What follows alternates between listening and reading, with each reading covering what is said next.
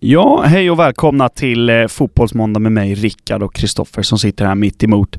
Vi eh, tänkte köra ett litet avsnitt där vi först eh, pratar ner den allsvenska säsongen 2019 och sen så attackerar vi de utländska ligorna som också har spelats i helgen, såklart. Allsvenskan 2019 var en allsvenska som är otroligt minnesvärd. Den kommer inte bara kommas ihåg för en rafflande toppstrid som levde in i det sista, eller bottenstriden som avgjordes i den 92 minuten i Falkenberg. Nej, årets allsvenska kommer att minnas för alla de historier som kommer att berättas om den i efterhand i en lång, lång tid framöver. De grönvita supportrarna på Södermalm i Stockholm kommer att berätta för sina barn om hur sambafotbollen var tillbaka i Hammarby. Om hur Momet Tankovic, Alexander Kacaniklic och Nikola Djurdjic satte skräck i varenda försvar som skulle möta dem. Om hur det allsvenska rekordet för antalet gjorda mål återigen tillhörde frejdiga Bayern. Det kommer att berättas historier i Malmö om hur magisk Marcus Rosenbergs avtackning var. Om hur han gjorde två mål i sin sista allsvenska match och om hur Malmö befäste sin ställning som Sveriges mest stabila lag med både framgångar i Europa och i Allsvenskan. Nere på västkusten i Falkenberg kommer det att pratas om Enzima Peters mål i den 92 minuten och kommer Hans Eklund, en riktig klubblegendar och den tränare som fick laget att sluta samman och vinna de två matcher som krävdes i slutet av säsongen för att säkra kontraktet. Allsvenskan kommer kanske framförallt berättas om i en nästan mytisk aspekt av Djurgårdens supportrar. Tolle Lagerlöf och Kim Bergstrand kommer att leva vidare som nästan gudalika varelser i dessa berättelser. Om hur dessa två tränare från Sirius under sin första säsong får sin bästa försvarare skadad, inte får målvaktsspelet att stämma med det dyra nyförvärvet från Norge, eller hur det stora nyförvärvet Ajdarevic inte gjorde ett enda mål på hela säsongen. Men ändå på något sätt så är det ändå de två som står där på Stockholms stadion en kall november eftermiddag med Lennart Johanssons pokal höjd upp i skyn.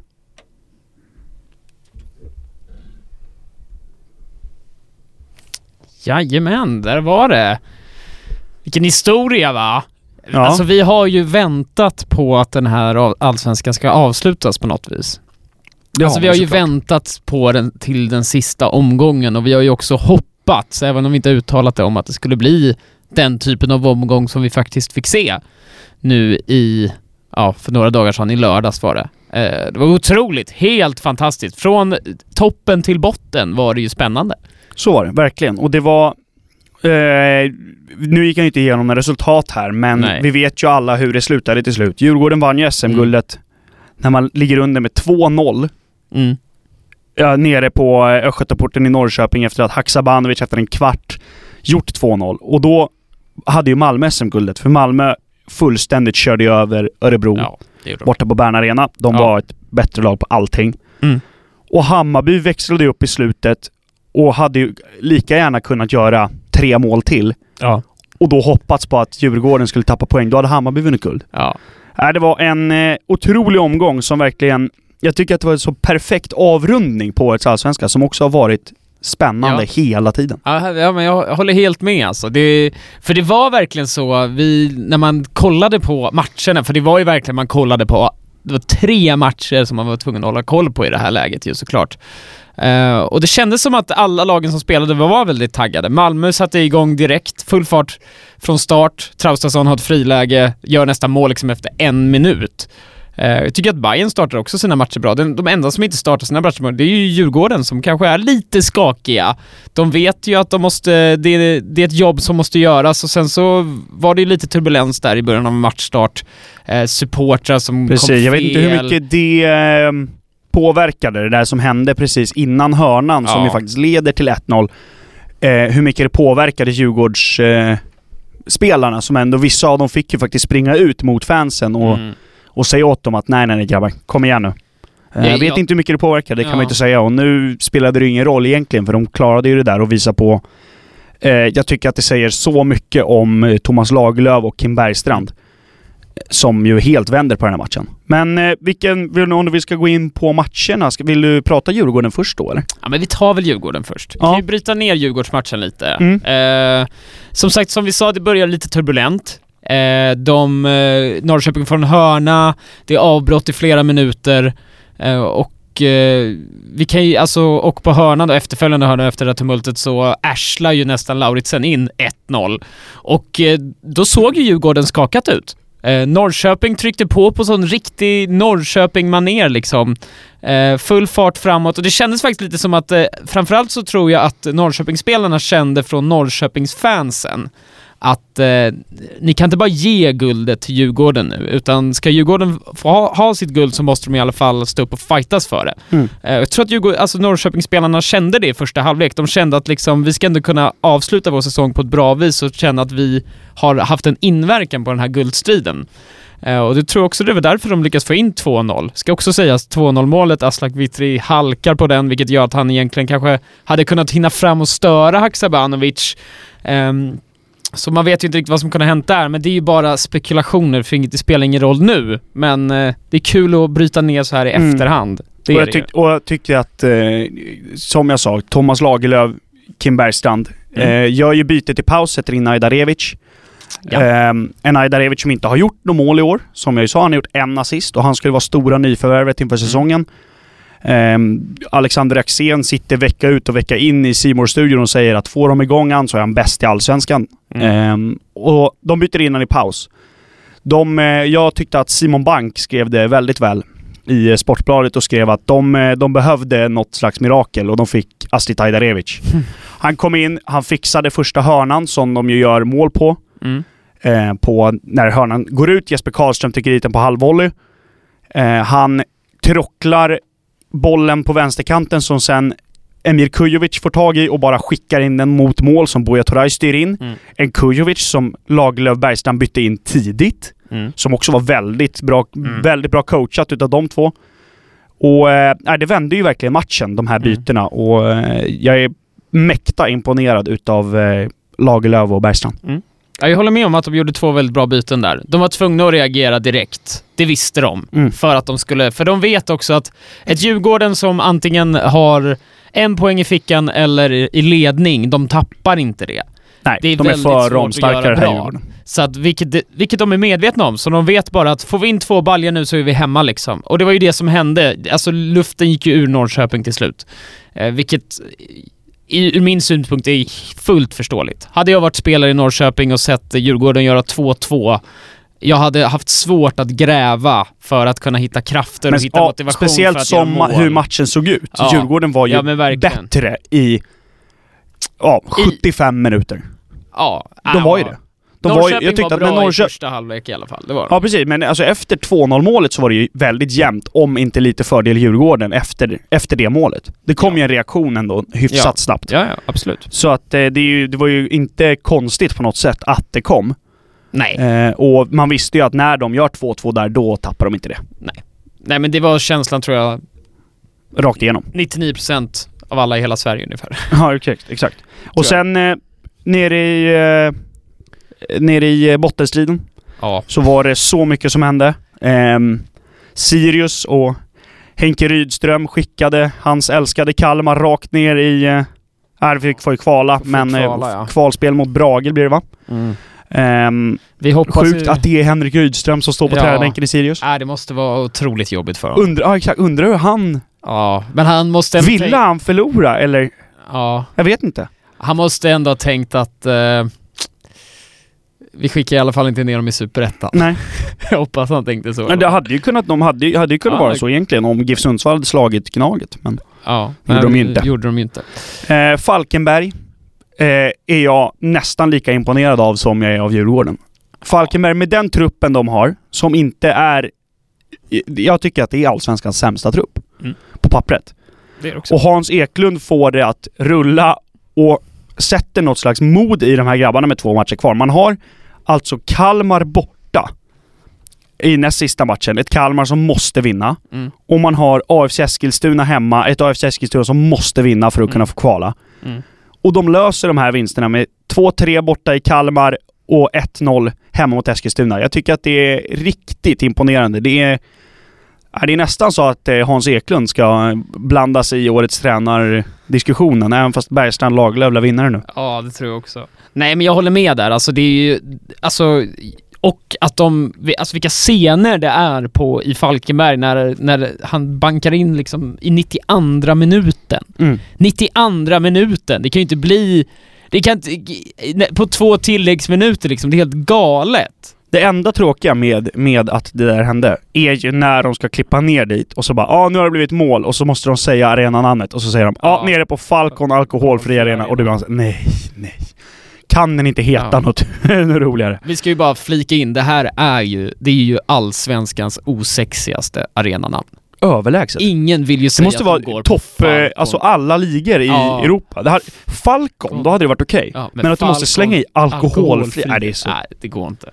Ja, parentes. Ja, men, eh, som jag sa, jag tycker att det är helt... Det visar på en lagmoral också i laget, att man ändå... Det är så lätt att ge upp där, för då är ju Falkenberg ute. Mm. Ja. Och att, att ge upp i det läget och inte...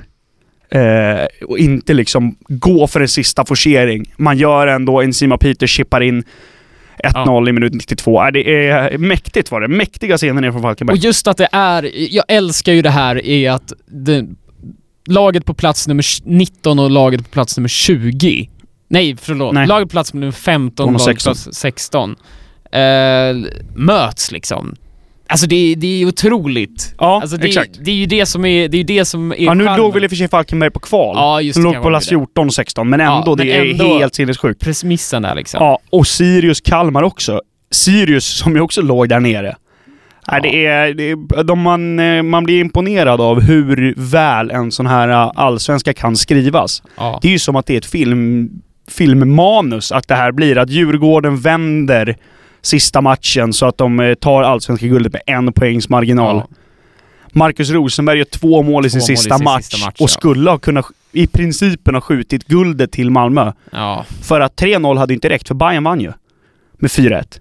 Så om Ja. nu Djurgården hade eh, torskat mot Norrköping, Då, hade då var det Marcus Rosenberg som sköt guldet till ja, Malmö. Det och det var hans sista match. Det är otroligt vad såna här eh, säsonger och i denna sport, hur fint det kan skrivas till slut. Ja, verkligen. Man blir Och- imponerad varje gång. Ja, man blir verkligen det och jag tycker man kan eh, bli lite imponerad av Marcus Rosenberg också, att han fortfarande kan hålla den här nivån i Allsvenskan. Han kan, skulle kunna fortsätta i ett år till och fortfarande Lätt! platsa i Allsvenskan. Men eh, nu gör ju inte det och jag tycker han gör helt rätt i att sluta faktiskt. Jag måste bara säga det, att han... Eh, Han slutar alltså den här säsongen med slut- 22 spelade matcher ja, och han gör 17 poäng. Är ju Det är klart bra. att han kan spela vidare. Han är Ja, otrolig igen. ja. Men nu är han på topp. Nu är han... eh, Ja, men det- han jag gillar det. Han- han- exakt, nu. exakt. Det, är- jag gillar det väldigt, väldigt, väldigt mycket. Det gör jag. Ja, nej, det var en eh, allsvenska säsong som jag eh, har svårt att se att det kommer få se en sån här allsvensk säsong igen. För att den hade allt kändes det som. Ja, den hade verkligen det. Wow! Vi applåder för Allsvenskan tycker jag. Det tycker jag. Ehm, och vi avslutar det kapitlet där Mm. och går på Europa. Tack, en Allsvenskan. Tack! Jajamensan, då är vi tillbaks och efter att ha snackat lite Allsvenskan så är det nu dags att gå över till Europa. Och för att göra det lite lättare för er där ute så har vi såklart också gjort ett svep denna dagen till ära. Eh, och vi började detta Europasvep i Tyskland där numera ligafyran och mästarmästarna Bayern München åkte på en stor däng borta mot Eintracht Frankfurt. Slutsiffrorna skrevs till 5-1 i Frankfurts favör och detta satt även punkt för tränare Kovacs karriär i Bayern München. Enda glädjeämnet från Bayerns sida, Lewandowski gjorde såklart mål igen, för 14 matchen i rad. Det är ni. Annars körde Forsbergs Leipzig över Quaisons Mainz med 8-0 och Dortmund städade av Wolfsburg på bortaplan. Ny serieledare i Bundesliga hittar vi numera i Mönchengladbach efter att de slagit Leverkusen med 2-1 på bortaplan. Annars Annars utspelade sig den stora snackisen i Tyskland denna helgen i Berlin, där det var för första gången sedan murens fall som ett lag från Västberlin mötte ett lag från Östberlin i den tyska högsta ligan. Union Berlin från öst gick vinnande ur kampen mot Hertha från väst med uddamålet. Vi rör oss vidare mot vinets, chèvren och senapens land, Frankrike. Och på tal om senap skrällslog Dijon serieledande PSG med 2-1 hemma på Stade Gaston Gérard. Men PSG har trots den oväntade förlusten 7 poängs andrum ner till tvåan Angers. Liga 3 Annals små kanariefågelvingar har nu slutat få vind i sig och de inkasserade i och med förlusten mot Bordeaux sin tredje förlust på fyra matcher. Aj, aj, aj! Vidare till Spanien, där det är en märklig La Liga-säsong som utspelar sig. Ligauppstickaren Granada, som inför omgången var serieledare, fick se sig besegrad av Alexander Isaks Real Sociedad på hemmaplan. Och samma Real Sociedad ligger efter omgångsslut på samma poäng som Barcelona och Real. Men de två maktlagen i La Liga då, hur gick det för dem? Jo då, Real tappade poäng borta mot Real Betis och Barcelona, ja, de förlorade borta mot Levante med tre mål mot ett. I Italien besegrade Roma Napoli hemma på Estadio Olimpico samtidigt som både Inter och Juventus tog tre pinnar vardera mot Tor Torino respektive Bologna. Värt att notera där var att Juventus de Ligt avgjorde matchen mot Torino. Eh, Juventus toppar alltjämt den tabellen på 29 poäng, en poäng före Inter. Europas målgladaste lag Atalanta åkte på däng hemma mot Cagliari med två mål mot noll och detta är blott andra gången som Atalanta inte får hål på ett motståndarlag i årets säsong. Eh, vi avslutar detta svep i England där det flertalet storlag tappade poäng. Vi börjar i Bournemouth där krisande Manchester United åkte på torsk med 1-0 och krisen blir allt djupare för Ole Gunnar Solskär. De båda giganterna Liverpool och Manchester City låg båda under med 1-0 men båda, men båda lyckas vända till seger 2-1 mot Aston Villa respektive Southampton. I västra London råder det just nu kris där både Tottenham och Arsenal i helgen tappade poäng i slutminuterna. Chelsea vann mot Watford med 2-1 och är nu med en ny ligafyra och Leicester befäste sin tredje plats genom att slå Crystal Palace borta med 2-1. Helgens jubel dock stod alla Fantasy Premier League-fantaster för som hade John Lundström i laget efter att han bankat in två mål, mål två baljer för sitt Sheffield. Den tackar vi för. Ja, nej, det var bra svep. Fick igenom det mesta där. Ja. Eh, det var ju, eh, som vi pratade om lite innan här, det var många favoriter som tappade poäng den här helgen. Ja. Det var ett Barcelona som förlorade, såg riktigt blekt ut. Mm. Ehm, Mm. Det var ett Real Madrid som inte skapade någonting mot Betis. Mm. Eh, Bayern München blev fullständigt överkörda av Frankfurt. Och eh, Arsenal tappade poäng, Tottenham tappade poäng. Det var en riktigt sån märklig helg. Ja, och, och vi ska också notera att både Liverpool och Manchester City låg ju under i sina matcher, lyckades vända dem sent. Eh, visserligen, vilket tyder på att det är såklart är bra fotbollslag, men det är ju också eh, lite varningstecken kanske på att eh, finns svackor bland stor, storlagen också. Ja, ja det visar ju också på väldigt mycket styrka på just City. Ja. City, Liverpool och Juventus vill jag lägga med i den också. Ja. Det är en svår match Juventus. Det är derby mot Tor- Torino. Mm. Eh, De Ligt fick ju göra mål som du sa. Eh, första målet var han, vilket Mm. måste kännas väldigt, väldigt skönt. För han har ju varit rätt ifrågasatt nu när Chiellini har gått skadad. De har haft problem med försvarsspelet, vilket Mm. ju inte är Juventus egentligen. Men eh, då fick jag göra mål nu och man hoppas ju i, i Turin att eh, hans... Ja, han ska få upp självförtroende lite mer nu för att han har sett, han har sett lite skakig ut. Men det, det handlar ju också, vi säger ju det, alltid en inkörningsperiod för Alltså spelare som kommer från andra ligor, sämre ligor, framförallt om du är ung, ja precis. Men vi har ju sett att De Ligt faktiskt har börjat jobba sig in mer och mer, skulle jag ändå vilja säga. Jo men ja, ja ab- absolut. Att- Det, det är ju ingen snack om den saken, men det är ändå så att det, det har, han har ju varit ifrågasatt med den stora prislappen, med den enorma lönen han har. Ja. Eh, det är klart att du ska ju kunna ifrågasätta en sån spelare ändå, men eh, jag tror att han börjar att eh, steppa upp nu. Jag tror att han kommer ju såklart visa sig vara enormt viktig för Juventus. Det är jag helt övertygad om. Det är... Ja, Och det är det var också- kul att du tog med det där med Atalanta, för att det är ju Robin Olsen ju som håller nollan. Ja, det är ju det. Det är kul för honom att han lyckas hålla också mot Atalanta. Som vi pratade om förra... Vi pratade om det förra veckan, att eh, Atalanta har gjort enormt mycket mål på sistone. Mm. Eh, och de är antagligen det målgladaste laget i, i Europa. Eh, detta var faktiskt blott andra gången denna säsongen som de har... Som de inte har lyckats slå hål på ett motstånd. Mm. Det andra laget var faktiskt Zagreb i Champions League. De torskade just 4-0 borta där. Så de inte, och det är kanske inte en helt superlätt match. Och Cagliari borta kanske inte heller är en jättelätt match med tanke på att Cagliari ändå håller helt okej form för tillfället. Ja, de är väldigt bra nu. Jag tycker Ja. att de spelar... Och var, vi pratade ju om dem, det var två veckor sedan vi pratade om dem. Ja, med... Eh, med deras lite nyförvärv med Raja Nainggolan som Ja, också har börjat ja, spela precis, upp sig otroligt nu. Eh, Diego Simeones son eh, Giovanni heter han tror jag. Mm. Uppe på topp som... Eh, han eh, gjorde väl mål nu också. Eh, jag tycker att eh, Cagliari, det är, jag tycker inte det är märkligt om de nu, som de spelar just nu, de ska kunna ta en Europaplats. Det finns Ja. många lag som inte förtjänar en Europaplats, Mm. Milan, som kanske, alltså som man brukar räkna med där uppe. Ja. Men jag tror att Cagliari kommer att blanda sig i där, helt övertygad. Mm. Jag tycker ändå generellt att det är en hel del lag som blandar sig in i mixen i Serie A i år. Mm. Eh, vi har ju Juventus inte som har gått väldigt bra, men vi har också Roma som faktiskt har flugit under radarn för en hel del skulle jag vilja säga, Verkligen. inklusive mig själv. Som Och spelat bra har de gjort. spelat bra. Alltså matchen mot Napoli, de gjorde, en, de gjorde en bra match där. Missade en straff visserligen, men sätter dit en andra liksom. Så att eh, jag tycker inte vi ska underskatta Roma i år, absolut inte. Nej, och inte Lazio. Ja, Som ju slår Milan eh, på, på San Siro. Ciro Immobile är ju Europas hetaste anfallare efter Lewandowski. Mm. Och leder ju den där skytteligan också liksom. Och det är ju må, det är kvalitetsmål han gör, Mm. Immobile. Det är ju inte bara straffar eller en retur som han petar in, utan han visar verkligen klass på klass och borde gjort två mål igår om inte Donnarumma varit bra i, bra i målet för Milan. Enda, Mm. enda bra spelaren kanske. Ja, det är bra statistik på Ciro Immobile. 13 mål på 11 spelade matcher, tror Ja, jag. det är ju sanslöst. I en, i en erkänt defensiv liga, Ja, som nej, i Serie A är. För man ska, man ska komma ihåg att Cristiano Ronaldo kom inte in och gjorde ett mål per match i Serie A inte, utan det är Nej, svårare att göra mål i Serie A. Det är, så är det. Så är det. Ja men verkligen. Eh, vi kan ju avverka kanske franska ligan lite snabbt. Paris åkte, de, åkte på däng mot Dijon. Jag tror inte det är någonting egentligen att oroa sig Nej. över. Eh, det är alla mästarlag snubblar någon gång under säsongen. Lite Eh, typiskt att vi pratade om hur bra de såg ut förra veckan. Ja, och så, åker de på, däng. Ja, Typiskt. men så är det. Eh, jag, tror inte, jag tror inte det är en superlätt bortamatch. Dijon ligger ju i norra Frankrike, jag kan tänka mig att det var riktigt rövigt väder. Mm. det brukar vara så. Ehm, men eh, jag tror att vi, det där kommer vi, de kommer städa, kunna städa av ligan ändå. Ja, det, Det, ja, det gör de ju varje gång.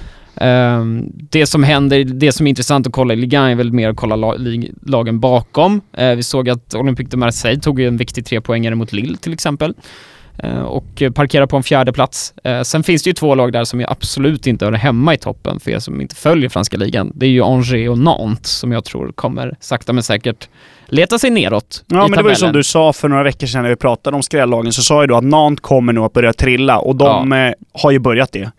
det De har ju fått bekänna färg nu och som du sa, Mm. torska tre raka. Det är väl kanske inte riktigt där uppe de hör hemma. Nej. Och sen så värt att notera också att eh, men storlagen börjar gå bra i Frankrike just nu. De börjar komma igång. Som ja, sagt, Lyon med Marseille- ny tränare. Lyon vann 3-0, 3-2 Med mot Rudi. Garcia på bänken va? Ja, precis. Ny tränare där.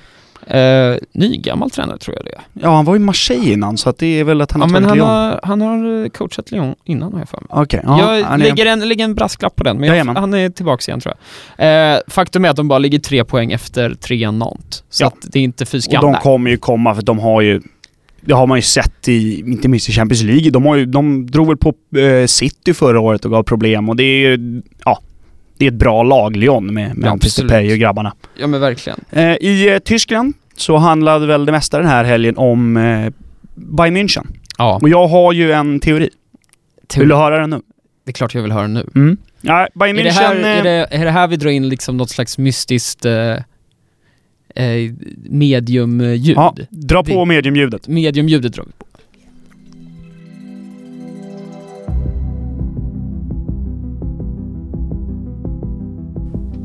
Ja, Bayern München då, som eh, torskade i helgen. Eh, blev överkörda mot eh, Frankfurt, torskade 5-1. Mm. Eh, sparkar tränare Niko Kovac.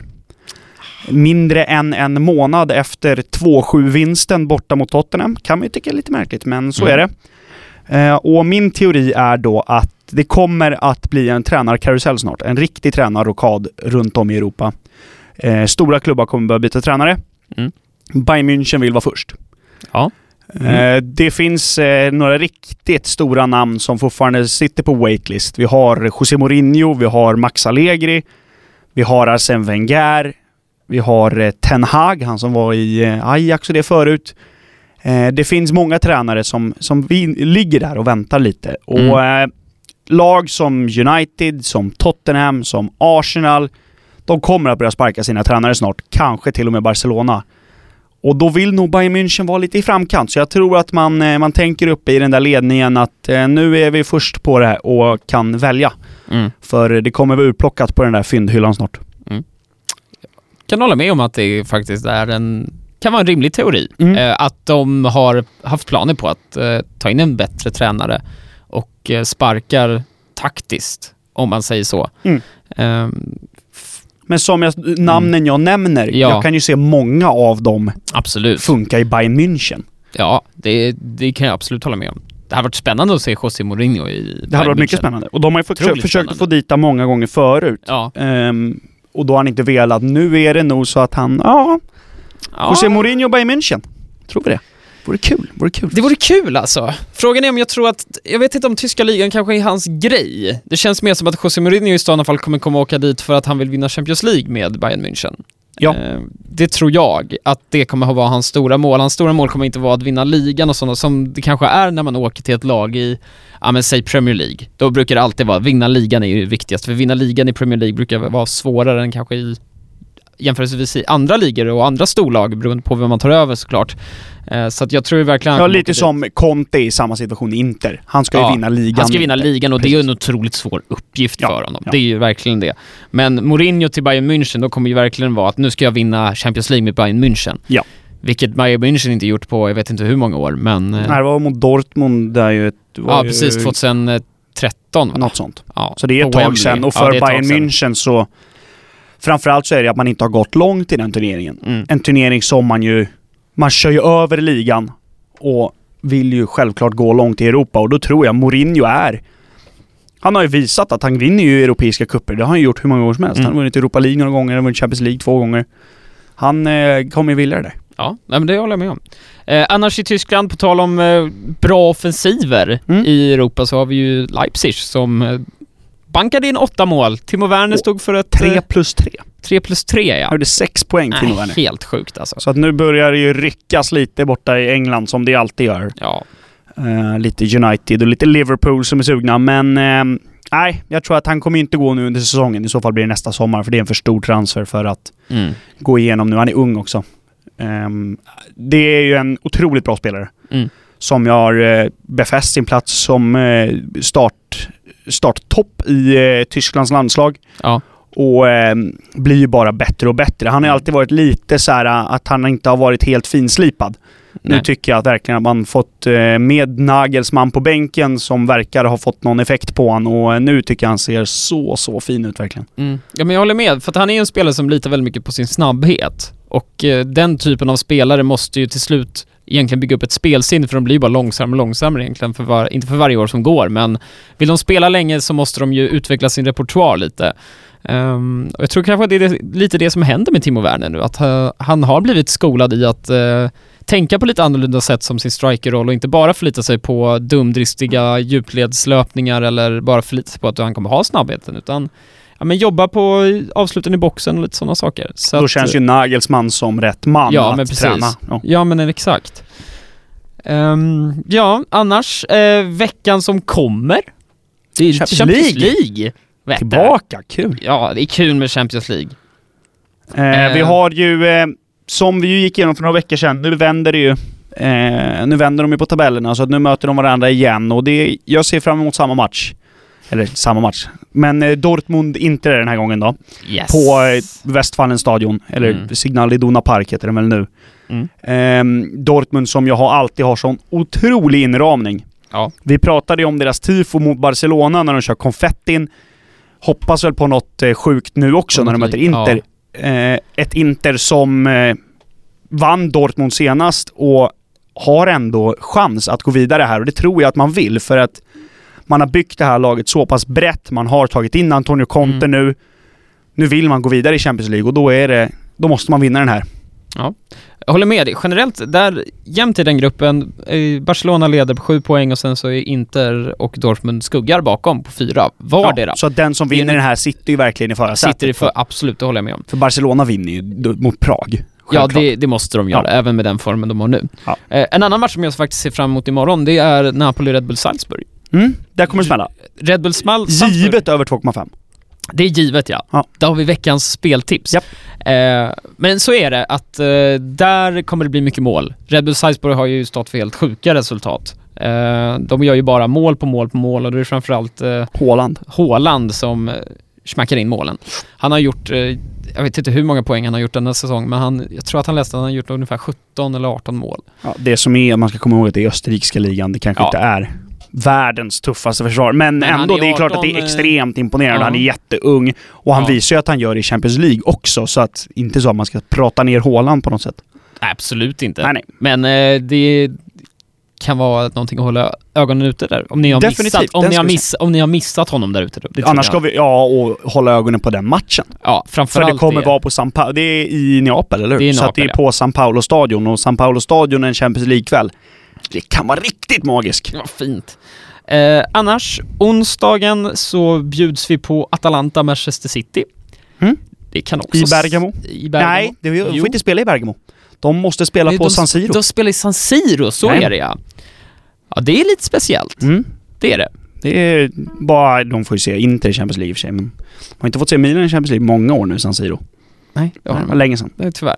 Eh, men där kan det smälla. Ja. Absolut. Eh, uppdatering från den gruppen är ju att Atalanta faktiskt ligger sist på noll Ja, de poäng. går så dåligt i Champions De League. går jättedåligt i Champions League. Ehm, men att City har plockat alla sina matcher hittills. Eh, Ja. Nio pinnar ligger de på. Tror de är ensamma om det i Champions League tillsammans med PSG. Och. München, Bayern München. Bayern München också, precis. Ja, det är ändå tre lag. så många. Nej, men eh, till nästa vecka så håller vi ju såklart koll på de här matcherna. Plus att Ja. vi håller koll på den här tränarrokaden jag börjar prata om. För det kommer Ja. börja hända grejer snabbt nu tror jag. Ja, det tror jag det är. November månad, snart december och snart är det januarifönster. Jag bara Oh! längtar till Mm. januarifönstret.